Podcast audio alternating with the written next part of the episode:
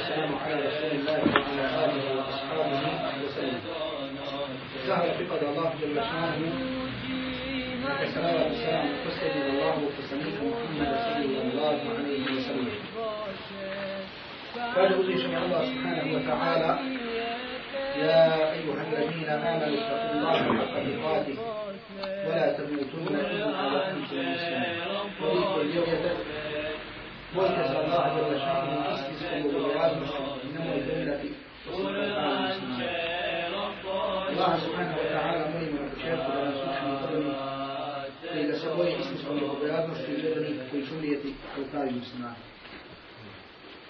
A zatim, draga moja braća, uz Allahu subhanahu wa ta'ala pomoć, nastavljamo naše druženje sa kuranskim ajetima sure Al-Hujurat. U našem prošlom predavanju počeli smo sa tumačenjem ajeta u kojem Allah subhanahu wa ta'ala kaže o vjernici vam neki griješnik donese kakav haber ili donese kakvu vijest dobro je provjerite. Da ne, da ne biste nekoga za nešto optužili ili učinili na osnovu tog habera, a da se poslije toga kajete radi onoga što ste učinili. Mi smo, da kažem u našem komentaru tog ajeta, u prošlom predavanju govorili o tome kako su islamski učenjaci, povodeći se za ovim kuranskim ajetom, pojasnili nam, ili da kažemo razvrstili, šta je vjerodostojno što je prenešeno od Allahovog poslanika, alaihi salatu wasalam, od onoga, da kažemo, što se prenosi da Allahov poslanik sallallahu alaihi wasallam rekao, a on to u stvari nije rekao. Ili su to slabe predaje u kojima ima slabosti, ili su čak lažni izmišljeni hadisi koji su izmišljali, da kažemo, odmetnici i prepisivali to Allahom poslaniku alaihi salatu wasalam kako bi iskrivili, da kažemo, jednu lijepu, jednu ispravnu sliku ove uzvišene vjere. Pa smo kao primjer toga spomenuli neke hadisa, e, kako da kažemo samo hadise, tako isto i hadise koji su vezani za tumačenje Allahove subhanahu wa ta'ala knjige. Pa smo spomenuli na hadis u kojem se kaže, u kojem se spominju u stvari kazivanje o melecima Harutu i Marutu, kako su, da kako sišli, kako je Allah subhanahu wa ta'ala postao, zatim kako su meleci koji znamo da su odabrani kod Allaha subhanahu wa ta'ala, kako su počinili zinalu, kako su ubili, kako su bili alkohol i tako dalje, znači predaje u kojima slabosti koje prenose nepovjerljivi prenosioci ili pak oni koji su optuženi da su krivotvorili i prepisivali hadisa Allahom poslaniku sallallahu alaihi wa sallam. Na kraju smo rekli da iz svega toga što smo naveli, da vidimo vrijednost i posebnu počast koju imaju učenjaci koje zovemo muhaddisima ili ahlul hadis, odnosno učenjacima hadisa. Učenjaci koji su svoj trud posebno uložili u brigu oko hadisa Allahovog poslanika sallallahu alaihi wa sallam. I kako njima ne pripada da kažemo ta počast i to posebno mjesto kada su nam pojasnili i čitav svoj život su potrošili na tome da nam pojasne šta je vjerodostojno što je prenešeno od Allahovog poslanika sallallahu alaihi wa sallam, a šta je to što nije vjerodostojno. I Allahu poslanika alaihi salatu wa sallam nam je u svojim hadisima, da kažemo, ukazao na počast i učenjaka. Pa nam je zabilježi imam Tirmizi u svom sunanu od Abdullah ibn Mas'uda radijallahu ta'ala anhu da Allahu poslanik sallallahu alaihi wa sallam kaže نبر الله امرأ سمع منا شيئا فبلغه كما سمعه فرب مبلغ أوعى من سامع kaže Allah dželle šanuhu prosvijetlio lice i dao nur u licu onoga koji čuje od nas nešto. To jest od Allahovog poslanika alejhi salatu. Pa to prenese kao što je čuo. Pa možda onaj kome bude prenešeno bude upućeni ili znani od onoga koji je prenio. Znači ovdje vidimo u ovom hadisu koji je vjerodostojan kako Allahu poslanika alaihi salatu wasalam upućuje dobu. Moli Allaha subhanahu wa ta'ala da prosvijetli lice onome koji šta? Koji samo prenosi. Pa makar i ne razumio te hadisa Allahovog poslanika alaihi salatu wasalam radi počasti onoga što se prenosi. U drugom hadisu koji je također zabilio žima Tirmizi u svom sunanu od Thaubana, od Thaubana radijallahu ta'ala anhi, prenosi se da Allahu poslanik sallallahu alaihi wa sallam rekao innama akhafu alaikum al-a'immat al-mudillin. Kaže, ono što se najviše za vas bojim, kaže Allah poslanika alaihi salatu wasalam, jesu ali aimma al mudillin. Imami, vođe, imami koji su zalutali i koji će druge voditi u zabludu. Znači Allah poslanika alaihi salatu wasalam jedna od stvari za koje se najviše bojao za svoj umet jesu učenjaci ili imami koji ljude odvode u zabludu. I mi su, tako, na jedan način smo svjedoci toga, jer koliko je oni koji govore o Allahu subhanahu wa ta'ala bir, međutim, nastoje i trude se da tumačenje koje tumače ljudima usklade svojim strastima i usklade svojim slabostima. Pa ono što vide da se ne poklapa sa njihovim strastima i ono što oni rade, to iskrivljuju od Allahove subhanahu wa ta'ala vjere ili krivo od ljudi. A ono što pak odgovara njima, taj dio tumači. A mi znamo da Allah subhanahu wa ta'ala kori židove zato pa kaže il-kitabi wa takfuruna bi ba'd. Zar ćete prihvatiti i vjerovati jedan dio knjige, a drugi dio ćete ne vjerovati ili ćete odbaciti. Pa poslije toga navodi riječ Allahovu poslanika alaihi salatu wasalam u kojem kaže pored toga što se boji za te imame, Allah poslanika alaihi salatu wasalam kaže La tezalu ta'ifatun min ummati ala l-haqqi zahirin La yadurruhum man hadalahum hatta jeti amru Allah. I uvijek će u mom ummetu, kaže Allah poslanika alaihi salatu wasalam, biti skupina koja će biti na istini. Uvijek, u svakom vremenu, u svakom mjestu, će u mom ummetu biti ljudi, biti skupina koja će biti na istini. La yadurruhum man hadalahum hatta jeti wa'du Allah. neće im naškoditi. Neće im moći naškoditi. Onaj koji se suprostavi. Kaže sve dok ne dođe Allahova odredba. Neće moći da im naškodi onaj koji se suprostavi zato što će Allah subhanahu wa ta'ala biti sa njima. Zato što im, oni imaju sigurnost, iqabilla i oslanjaju se na svog gospodara subhanahu wa ta'ala. Pa u komentaru od hadisa imam Tirmizi navodi riječi poznatog muhaddisa Ali ibn Madinija koji kaže U komentaru ovih riječi Allahovog poslanika alaihi salatu wasalam ove skupine, kaže ovaj učenjak, hum ahlul hadith. Kaže, to su učenjaci hadisa. To su učenjaci hadisa. A imam Ahmed kaže, in lam yakunu ahlul hadithi, fala adri man hum. Ukoliko to nisu učenjaci hadisa, pa ja ne znam ko su onda oni. Ukoliko to nisu učenjaci hadisa, pa ja onda ne znam ko su to, kaže imam Ahmed, da mu se Allah žel nešanu usluje. I ponovo kažemo, kako ne bi imali ovu počast, draga braćo, kada ulažu svoj napor i kada ulaže svo, ulažu svoj trud oko riječi oko riječi Allahovog poslanika alaihi salatu wasalam, da to dostave ljudima, da to ljudima protumači, protumači i tako dalje. I iz ovoga vidimo opasnost, da kažemo, znači, da ima ljudi koji na razne i svakojake načine tumače Allahu djelašanu vjeru. Međutim, na vjerniku je da ima znanje kako bi razlučio istinu od neistine. Kako bi vidio ko je taj koji poziva istini, ko je taj koji poziva dalalet i tako dalje. Međutim, to je posebna tema koje se sada nećemo doticati. U svakom slučaju, ovo je ajet, kuranski ajet u kojem Allah subhanahu wa ta'ala nas upozorava da ne prihvatimo haber ukoliko neki griješnik dođe sa tim haberom, ukoliko dobro ne provjerimo vjerodostojnost te vijesti. I draga braćo, ishod lažni vijesti može da bude ili često puta biva da dođe do prolijevanja muslimanske krvi. Da Allah je lešano sačuva od tog fitnaluka i od takvih iskušenja, ali ishod takvih laži koje šire neki ljudi biva šta? Biva da se prolijeva, odnosno ili da kažemo da se prolije muslimanska krv. Normalno imamo više šteta ti lažnih vijesti, jer Radi toga dolazi da se muslimani podijele. Radi toga dolazi da brat sa bratom ne priča.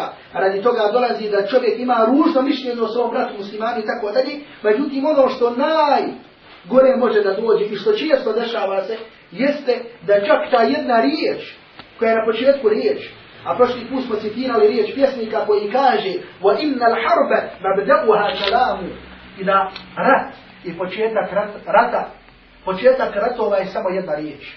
Znači ta jedna riječ koju izusti taj lažov može da bude uzrok da se prolije krv.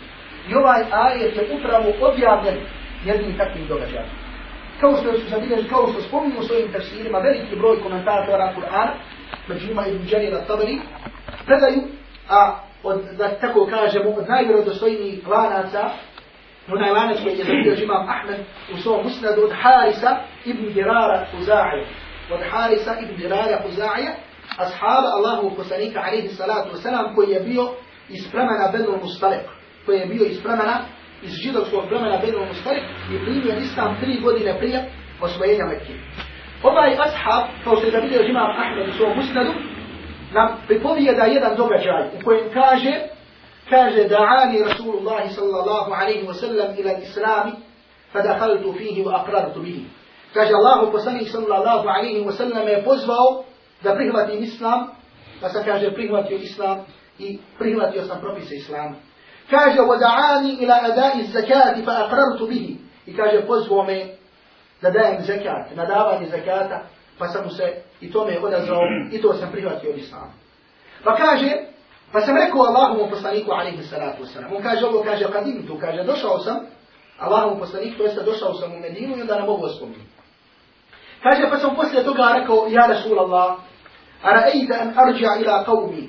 Kaže, šta misliš Allahu poslaničem, da se vratim svom narodu, svom plemenu, pa da ih pozovem u islam i da ih pozovem da daju zekat. Pa ono što mi daju od zekata, da ja to sakupim, pa da mi ti pošalješ svog čovjeka, svog izaslanika, kaže pa da ja tebi pošaljem ono što sam šta, ono što sam sakupio zekata. Jer znate da su prije ljudi davali zekat kako? Mi imamo ni osam kategorija koji ma se zekat daje. Međutim, za vrijeme islamske države, ljudi to daju bejtul mal, u islamsku državu, jel tako, u islamsku kasu, koju imam kasnije raspoređuje. Znači, na jedan način da kažemo da se tako olakša ljudima. Pa Allah poslanik alaihi salatu wasalam to prihvatio i dogovorili su se, da kažemo, oko roka, kada će Allah poslanik alaihi salatu wasalam postati zaslanika, kako bi mu ovaj poslao zekat. Pa, kada je Haris ibn Dirar sakupio zekat od onih koji su primali islam, vidio je da Allah poslanik alaihi salatu wasalam ne šalje svog izaslanika.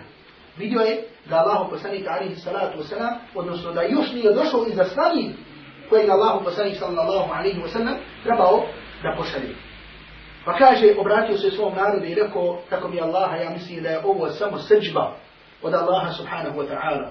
Da Allahu poslanika alaihi salatu wasalam ne dolazi, to jeste njegov izaslanik, samo radi Allahu i djelašanu srđbe. Samo zato što smo nešto pogriješili ili učinili neke grijehe, pa nam ne dolazi izaslanik Allahu poslanika alaihi wasalam. Pa su rekli, pa je rekao, Hajde kaže da odemo i da vidimo zbog čega ne dolazi izaslanik Allahovog poslanika alaihi wasalam.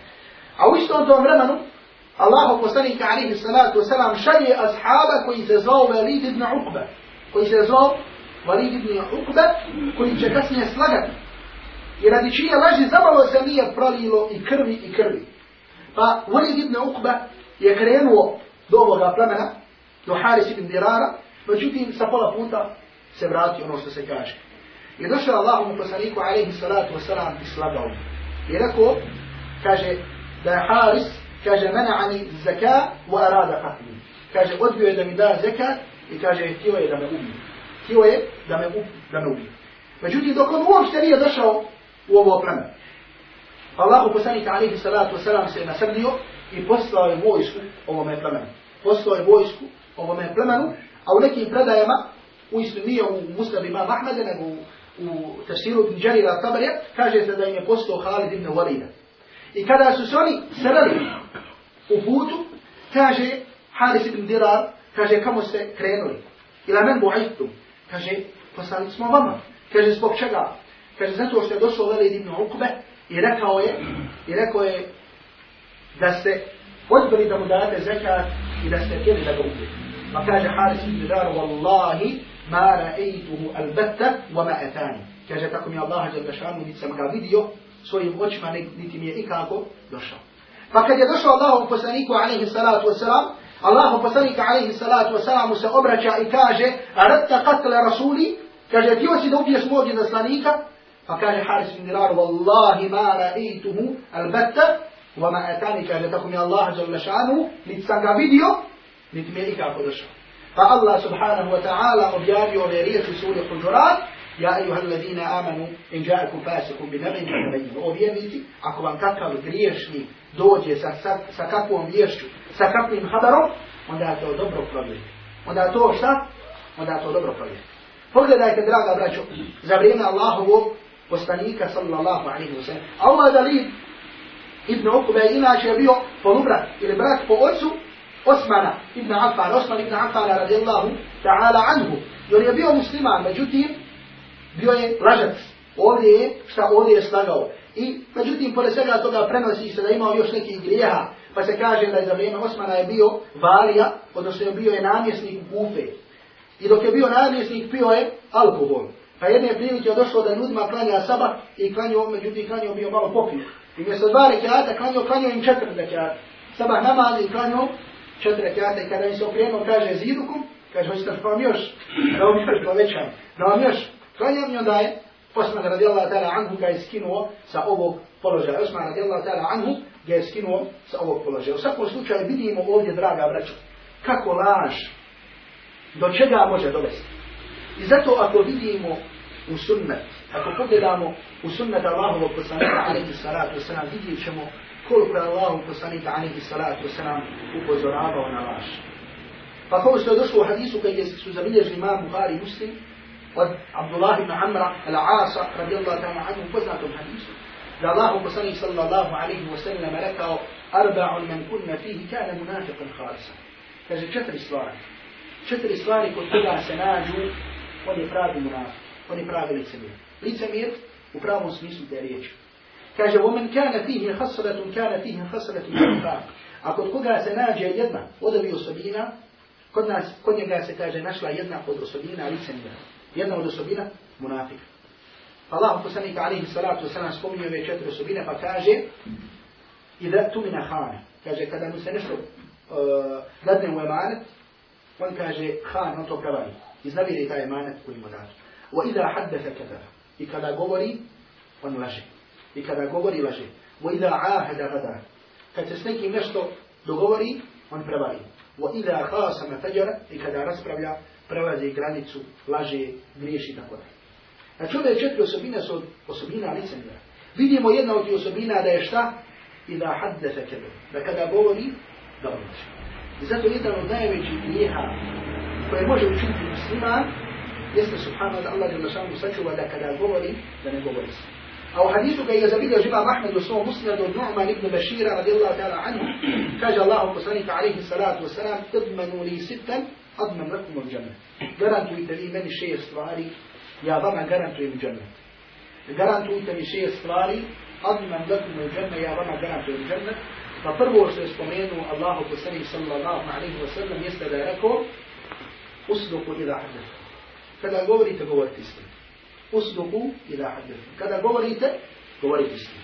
A u hadisu koji je zabilježi ima Malik u svojoj muati, u istinu hadisu ima slabosti, međutim, ko što kaže na šeha Bukhari, dijelu džamil usul, da drugi hadisi pojačavaju ovaj hadis, da su ashabi Allahom poslaniku alaihi salatu wasalam se i rekli, ja Rasulallah, a je kunul mu'minu džabanan.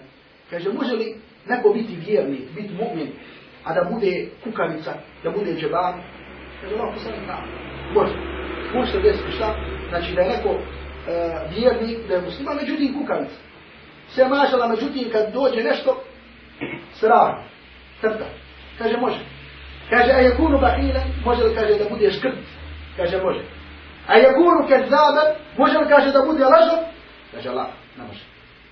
Sve se može naći u muslimana, kod mu'mina, i da bude škrt, i da bude ovo, međutim da bude lažov, to ne može da se naći. A je kunu kezaban, može da bude lažov? Kaže, Allah, ne može da. Što znam da, draga braćo, vidimo, znači kao da Allah poslanika, alaihi salatu wasalam, ovaj grijeh, laganja, stavlja na jedno posebno mjesto. I za svi drugih grijeha, zbog čega? Prvo kažemo zato što je to jedna od bolesti jezika, koja može da prouzrokuje da dođe do bitnaluka, do smutnje među muslimanima. I kao što danas, nažalost, vidimo, da sve ono što dolazi među muslimanima od razilaženja, do prolivanja krvi, koje smo vidjeli, koje gledamo na televiziji, među muslimanima što se dešava, tako mi Allah je lašanu dešava se samo radi lažova o kojima Allah subhanahu wa ta'ala govori i na koju kažu u svom sunnetu. Samo radi da kažemo muslimana koji ponekad mogu biti ulema i učenjaci, međutim samo kada izađu da se ljudima obraćaju, puškaju muslimane jedni protiv drugih.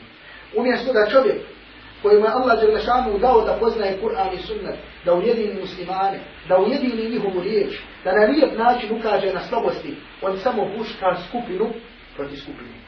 I zato većinom što se tu dešava, dešava se da, će, da se činjenice i istina sakriva, a da se samo da kaže uspoljavaju neka mišljenja koja njima odgovara.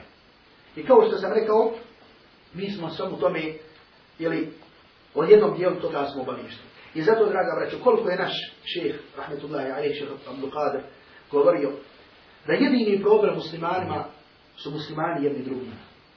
I odakle bi, da kažemo, obtuživali nevjernici, muslimane za terorizam, za ekstremizam, da to nije izašlo opet da kažemo iz usta nekih drugih muslimana, koji kada vide neke, pogotovo omladinu, da se drže Kur'ana i sunnata Allahovog poslanika sallallahu alaihi wa sallam, kažu to su teroristi, to su ekstremisti, to su ovi, to su oni. Zbog čega, iako će ovaj reći za svaku svoju stvar koju praktikuje, donijeće dokaze iz Kur'ana i sunnata, on će ga opet optužiti. I posle toga se dešava da završavaju u zatvorima, da se dešava ovo, samo zato što su neki drugi muslimani, što je to izašlo iz njihovih usta. Da to nije izašlo iz njihovih usta, ne bi se kako da kažemo to dešavalo. Normalno, bilo bi pitnalunka, bilo bi iskušenja, ali ti nevjernici potporu za mnoga svoja djela nazimaju, nazi, e, nalaze u govoru, da kažemo neki koji se nazivaju čenjaci, koji se nazivaju lama i tako dalje. Subhanallah, da nisam lično osjetio na svojoj koži neke takve primjere, ne bi toliko bio ubjeđen. Ali mogu vam jedan primjer kao toga, toga spomenuti. Prije nekoliko dana dolazi mi pismo od jednog našeg brata muslimana, koji mi postavlja jedno pitanje, koje je vezano za Jevmul Ašuru, koji je vezano za Jevmul Ašuru, koja je bila, tako da kažemo, prije desetak dana. I ono što znamo, da nam je došlo u sunnetu Allahovog poslanika, alaihi salatu wasalam, jeste da nas je Allahov poslanika, alaihi salatu wasalam, u hadisma Bukhari i muslima, podučio da ovaj dan postimo. Podučio nas je da ovaj dan postimo i da postimo dan prije ili dan posle i mimo toga ničemu nas više nije proučio niti da kažemo učenje neki posebni ilahija u tom danu, niti da pravimo određenu hranu tog dana, niti nas je učio ovo i tako da. I dolazi pitanje do ovog brata i kaže, vidim da se trudiš da navodiš citate učenjaka Hanefijskog mezeva i tako dalje, kaže, bil nam pojasnio šta je stav oko nekih stvari kada je u pitanju dan koji zovemo dan Ašura. Ja sam se normalno kažem, kada, kao i na neka druga pitanja, kada se postavi, normalno nemam odmah odgovor, nego moram da potražim u djelima, jer trudim se da u svojim odgovorima navedem, navedem citate učenjaka, da ne govorim svoje glave i tako dalje. I vratio sam se između ostalo u jednu knjigu, jednog poznatog profesora sa Ezhara, poznatog šiha, šiha Alija Mahfuza, koji ima jednu knjigu koja je bila učbenik na tom poznatom univerzitetu nekolike decenije, nekolike decenije, znači prošle generacije, generacije uleme, mimo njega koji su tu knjigu tumačili drugima. I Šihani Mahfuz u ovoj knjizi kaže da je se drugo mimo postav, da nije propisano, da je to od stvari novotarije, koji su ušli, da kažem, među obični svijet, kaže, pravljenje posebne hrane, pravljenje ovoga, ubjeđenje ovo i tako dalje, kaže, jedino što nam je došlo i što su muslimani prve generacije stotama godina praktikovali, jeste da je bilo samo post. Ja na to pitanje odgovaram i dolazim ponovo odgovor od istog tog našeg brata muslimana koji kaže, e, kaže, tek sad vidim, kaže, da se skinuo veo sa svog lica, da si ovaki, da mrziš, da ne voliš porodicu Allahovog poslanika, alaihi salatu wasalam, da je prezireš i tako dalje, mnoge stvari koje su još nema, nije vrijedno uošte da to spomnijem i tako dalje.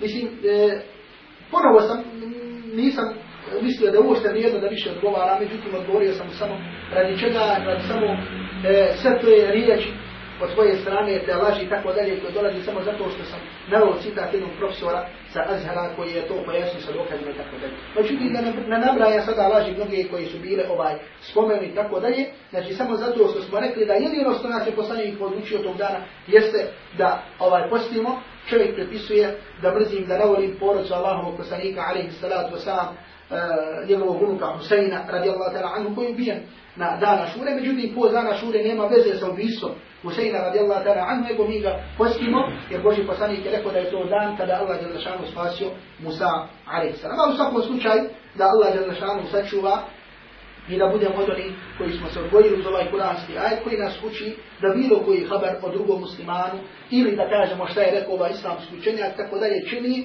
da budemo oprezni, da provjerimo tu vijest i tako dalje. Jer draga braćo, to je život, to je odgoj sa Kur'anom. Subhanallah. Ših bin Baz, rahmatullahi alaihi. Ših Abdulaziz bin Baz je vallahi bio imam ovog vremena. Imam ovog ummeta u ovog vremena. Čovjek koji je bio slijep od svoje osmi ili devete godine. Međutim, čovjek kao pojedinac, ummet sam za sebe. Kao učenjak u fikhu, kao učenjak u hadisu, kao čovjek koji pomaže sirotini, koji se brine za muslimane čitavog dunjaluka, pomaže gdje god može da pomogne muslimane i tako dalje. Kažu, kad bi šir bin Bazu, rahmatullahi alaihi, došao habar, da je neki islamski učenjak rekao nešto. Jer ovo vrijeme i vrijeme šir bin Baza je bilo dosta poznato po nekim, tako da kažemo, modernistima, koji su dosta stvari s nama, da kažemo, poricali. Pa kažu, na primjer, nema džina. Kažu, nema džina, nema meleka, to su, da kažemo, mikrobi i tako dalje. Kad bi prvo, kada bi takav ili sličan haber došao šeik bin Bazu, šeik bin Bazu rekao ne. To nije mogu, nije moguće da je to rekao. Rekao bi ne, nije moguće, kaže, da to čovjek kaže. Pa kad bi rekli šejihu, jest rekao je, jedan čovjek prenio, drugi čovjek, kaže, nazovite ga. Nazovite tog čovjeka, potražite njegov broj telefona, u kojoj god zemlju daje, nazovite ga, upitajte da li je to rekao. I kada bi ga nazvali, i kada bi ga pitali da li si to rekao, da li je prenešao, i bi šeik bin Baz napisao pismo i kaže, Assalamu alaikum, Allah se smilovo i meni tebi uvaženi brate, uvaženi alim, uvaženi šeik. Preneseno mi je od tebe da si rekao to i to. Pa mu spomenuo jedna stvar, dva, dvije stvari, tri stvari. Kaže, ako istina, te stvari ne treba da se govore, to je suprotno Kur'an i sunnet tako da. Uglavnom kada bi došlo do njega da je taj čovjek rekao to i to, da kažemo da je izašao iz okvira iz koje nije trebao da rekao bi, molim Allah da mu se smiluje, da ga posavjetu, posavjetu ovog I zatraži da svi da dignu ruku, da mole Allah, mole Allah subhanahu wa ta'ala da pomogne tog čovjeka, da odstrani od njega te šubhe i tako dalje. Znači u svakom slučaju vidimo kako čovjek treba biti oprezan kada mu dođu habari od nekih, ili da kažemo o nekim ljudi. Allah subhanahu wa ta'ala u kuranskom ajetu nam kaže da ishod Ako reknemo na osnovu tog habera kojeg nismo provjerili, može da bude fatusbihu ala ma fa'altum nadim. Da se poslije toga kajete radi onoga što ste učinili.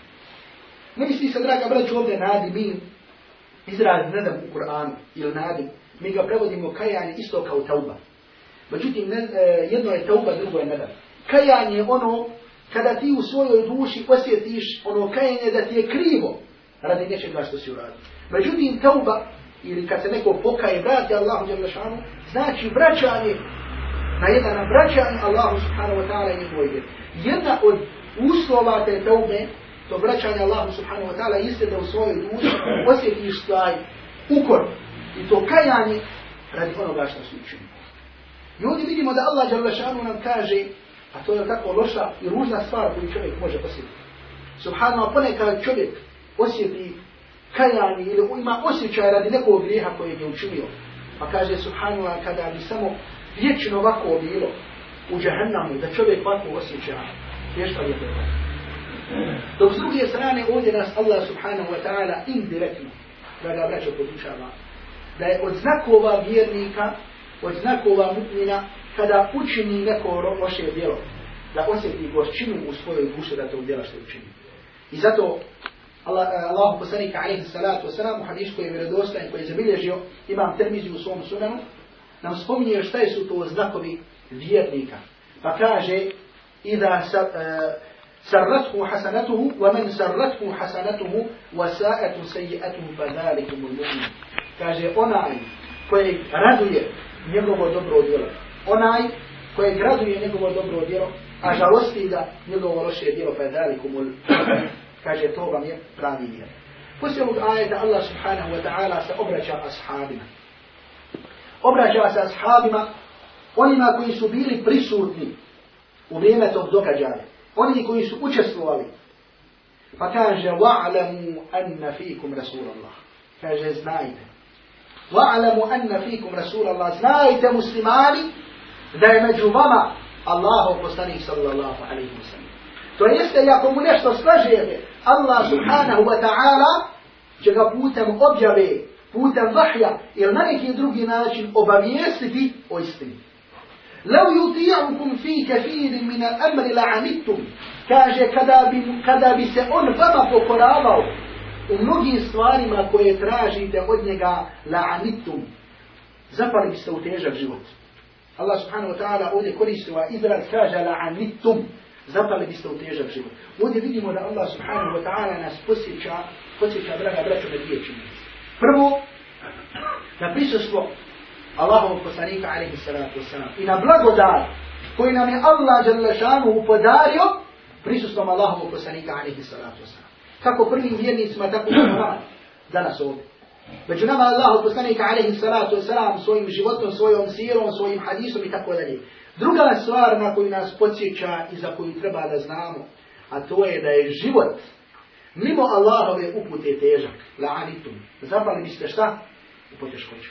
Allah subhanahu wa ta'ala u suri Nisa zinaluk, jedan naj, jedan od najvećih grijeha naziva anatom.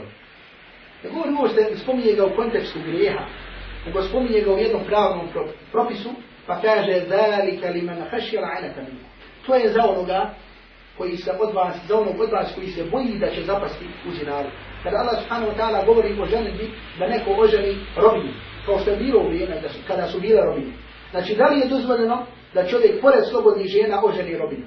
Allah subhanahu wa ta'ala kaže da je dozvoljeno za onoga li men hašje la'anete, za koji, za koji onoga, onome koji se boji da će zapasti u grijeh, da će zapasti u zinalu. Međutim, Allah subhanahu wa ta'ala ovdje zinaluk ne naziva zinalukom svojim imenom, nego ga naziva anetom, naziva ga poteškoćom. Toga hoće da nam kaže, da nam kaže, kao što znamo u stvari, ili bi trebali da znamo, da je to uistinu jedna poteškoća. I za drago braćo, svaki grijeh koji čovjek čini, za to nije poteškoća. Zar nije zinaluk, čiji je ishod kakav jest, kao što nam je spomenuo Allahu poslanika alaihi salatu wasalam, hadisu koji je zabilježio Bukhari, da je vidio ljude koji se nalaze u građevini poput posude, čije dno široko, a vrh uzak, i ljude unutra koji su goli bez odjeće, muškarci i žene koji se prže. Ispod toga je, kaže, vatra, Kaže, kada se vatra pojača, kaže, samo što ne izađu. Kaže, kada se vatra ugasi, kaže, oni ostanu dole na dnu. Ali nikako ne mogu da izađu. Ovdje Allah poslanika alaihi salatu wasalam nas obavještava o načinu kažnjavanja određene skupine ljudi. Pa kad je Allah poslanika alaihi salatu wasalam rekao, kada je pitao, kada je bio na mi'arađu, ko su to? Ko su ti ljudi koji se tako kažnjavaju? Pa kaže, humus sunat, to su oni koji su činili zinalu. To je ishod za one koji na dunjalu čine zinalu. I za draga braću zinalu nije poteškoća. Zar nije to poteškoća da na takav način čovjek bude kažnjavan? Zar nije poteškoća da Allah Đelešanu sačuva kada čovjek ostavlja namaz? Allah Đelešanu nam govori o Iblisu. Allahu prokreso bilo na njih. I Allah Đelešanu kada mu je rekao usjudu, učini seđdu, on je odbio da učini seđdu. Allah Đelešanu ga spominje kao prokletnika, kao nevjernika i tako dalje. A tebi ili svakom muslimanu biva naređeno da u svakom namanskom vremenu učiniš seđu. Da u svakom namanskom vremenu učiniš seđu ili određeni broj seđu. Pa čovjek odbija da učini. Ili jedan broj ljudi da Allah Đelešanu sačuva odbija da učini. Za nije poteškoće da budeš kao iblis. I zato ima Mahmed veliki broj selefa rekao da onaj koji ostavi namaz, pa makar iz gledosti, da postaje nevjernik. Iako nije negirao obaveznost namaza, da postaje nevjernik. Zbog čega? Ovo je broj jednog, jednog broja selefa. Zbog čega? Zato što si isto kao iblis. Allah je došao iblisa nazvao nevjernikom zato što je učinio seđdu. A i ta isti iblisa kuda Allahu Đalešanu, priznaje Allahu veličinu, priznaje da Allah Đalešanu jedan jedini, ne čini mu širka, kune se sa njim i kaže fe bi izzetike i tako mi tvoje moći. فبعزتك لو غوينهم أجمعين. تكون توين وش يا في سيو زبست. كنا سساتشم الله سبحانه وتعالى. لكنا سإبليس نشم درجين من الله سبحانه وتعالى كوستشين يضم المسلمان إن الله سبحانه الله فسانك عليه الصلاة والسلام الناس يفدوشنا من حلف بغير الله فقد أشرك. وستكون نشم درجين معناه الله سبحانه وتعالى فشل يشرك إبليس لكنا نشم درجين لكنا كنا سسام الله. ali Allah je našao ga nazivati jafirom. Zbog čega? Zato što je u tom vremenu kada mu je bilo obavezno da učini seđdu, odbio da učini seđdu. Nije učinio zato što je poreko obaveznost te seđde. I zato kažemo, jedan broj serafa kaže da ko ostavi namaz u svom vremenu, pa makar i zinano se na vjernik. Zbog čega? Zato što se poistovjetio da Allah Đelešanu sačuva sa iblisom. I za draga braćo, svaki taj grijeh, ako bi mogli 5 dana da nabrajamo grijeh po grijeh i da vidimo po teškoću tog grijeha i na dunjalu i na heru. A ovdje nam Allah subhanahu wa ta'ala to skreće, ovaj, skreće nam pažnju na to da znamo da svaki put kada odustanemo ili kada skrenemo sa sunnata, sa puta Allahovog poslanika alaihi salatu wasalam, la'anitna, da ćemo zapasti u poteškoću. Obraća se ashabima, kaže, pa kaže, la'anittum, u težak život, u poteškoće bi zapali. Pa zar mi nismo preći da to znamo? Kada? Kada stupimo sa pravca koji nam je zacrtu Allahu poslanika alaihi salatu wasalam. I zato nam kaže Allahu poslanika alaihi salatu wasalam. Pogledajte milosti. Pogledajte ljubavi Allahu poslanika alaihi salatu wasalam prema njegovom umetu. Kaže, taraktukum ala al-bayda. Kaže, ostavio sam vam na jasnom bijelom putu. Lejluha ke nahariha. Kaže, noć i dan to puta isti. Jasan. Nema da se razlikuje po danu po noći. Kaže, la jezigu anha illa ali. A kaže, ne može sa tog puta skrenuti osim koje je propao. Osim propalica. Koji zaslužuje.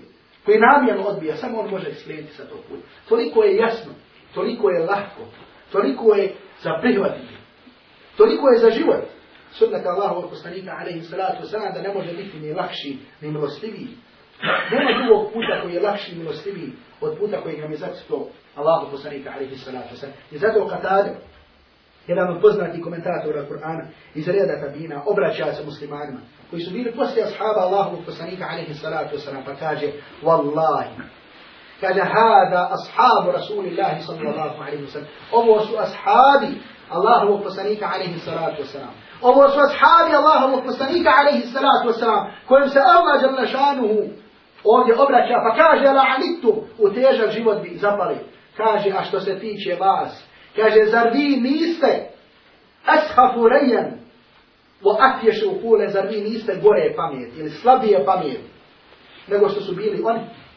Ali opet, pored svega toga, opet pored svega toga odbijate sunnet Allahu poslanika alaihi salatu wasalam, pa kaže Qatada vantasih, vantasih kitab Allah, kaže budi iskren prema Allahu wa jalla šanhu knjizi, fa inna kitab Allah intiqa li men ahada bihi, kaže Allahu wa jalla šanhu knjiga je sigurnost za onoga koji uzme. Poslije toga Allah subhanahu wa ta'ala nam, e, da kažemo, navodi blagodati. Skreće nam i upozorava nas i podsjeća nas na blagodati koje nam je podario, a to, a to je da nas je uputio. Pa kaže, Allah da bejnekum u iman, kaže, kao da nam kaže sve to činite, grijehe, laž ili neke druge grijehe, habba bejnekum u iman, a Allah vam je, Allah vas je učinio, pa da vam je iman i vjerovanje dragi. Allah vam je dragim učinio vjerovanje. To što volite vjerovanje, to je zato što vam. وَكَرَّهِ إِلَيْكُمُ الْكُفْرَ وَالْفُسُوقَ وَالْعِسْيَانَ A dao je da mrzite kufr i griješenje i laž i ovo. A pored svega toga opet činite grijeh. Pa inša Allah i ta'ala, uz Allahu da ćemo poslije ovoga malo ovaj, uzeti jedan kraći, kraći deset slika. Ove ajete ćemo, znači gdje Allah je lešanu nam skreće, ili hoće da nam da do znanja, kako nam se smilovo, kako smo postali vjernici, pa da to nas, da kažemo da nas ne navede neka stvar poslije toga da griješimo. Ali u svakom slučaju, iz ovog predavanja smo vidjeli ponovo, znači šta znači prihvatanje vijesti koje nisu provjerene, kako to može da dovede do prolijevanja krvi. Vidjeli smo šta je po ovoj povjeri i molimo Allah subhanahu wa ta'ala da učini naš život, ili da kažemo naše živote, da budu u hladu ili u okrilju ovog kuranskog ajeta, kao i drugi kuranski ajeta, o da tako kojima ćemo govoriti, koje ćemo tumačiti. I molimo Allah subhanahu wa ta'ala da nas učini, da nam da života, da nam da vremena, da nam da zdravlja, da što više tumačimo za Allah za Lješanu. Molimo Allah subhanahu wa ta'ala da nas ne usmrti, dok ne protumačimo Allahu za Lješanu. Da učini ova naša sjela, gdje se družimo, svake subote tumačeći Allahu za Lješanu u knjigu, ja rab, recite amin. Da ne uzme naše duše, da nas ne usmrti dok ne protumačimo od početka do kraja. Ja rab. I da se Allah za Lješanu smilo ovom narodu i da ga uputi, uputi na pravi put. أقول قولي هذا واستغفر الله لي ولكم فاستغفروا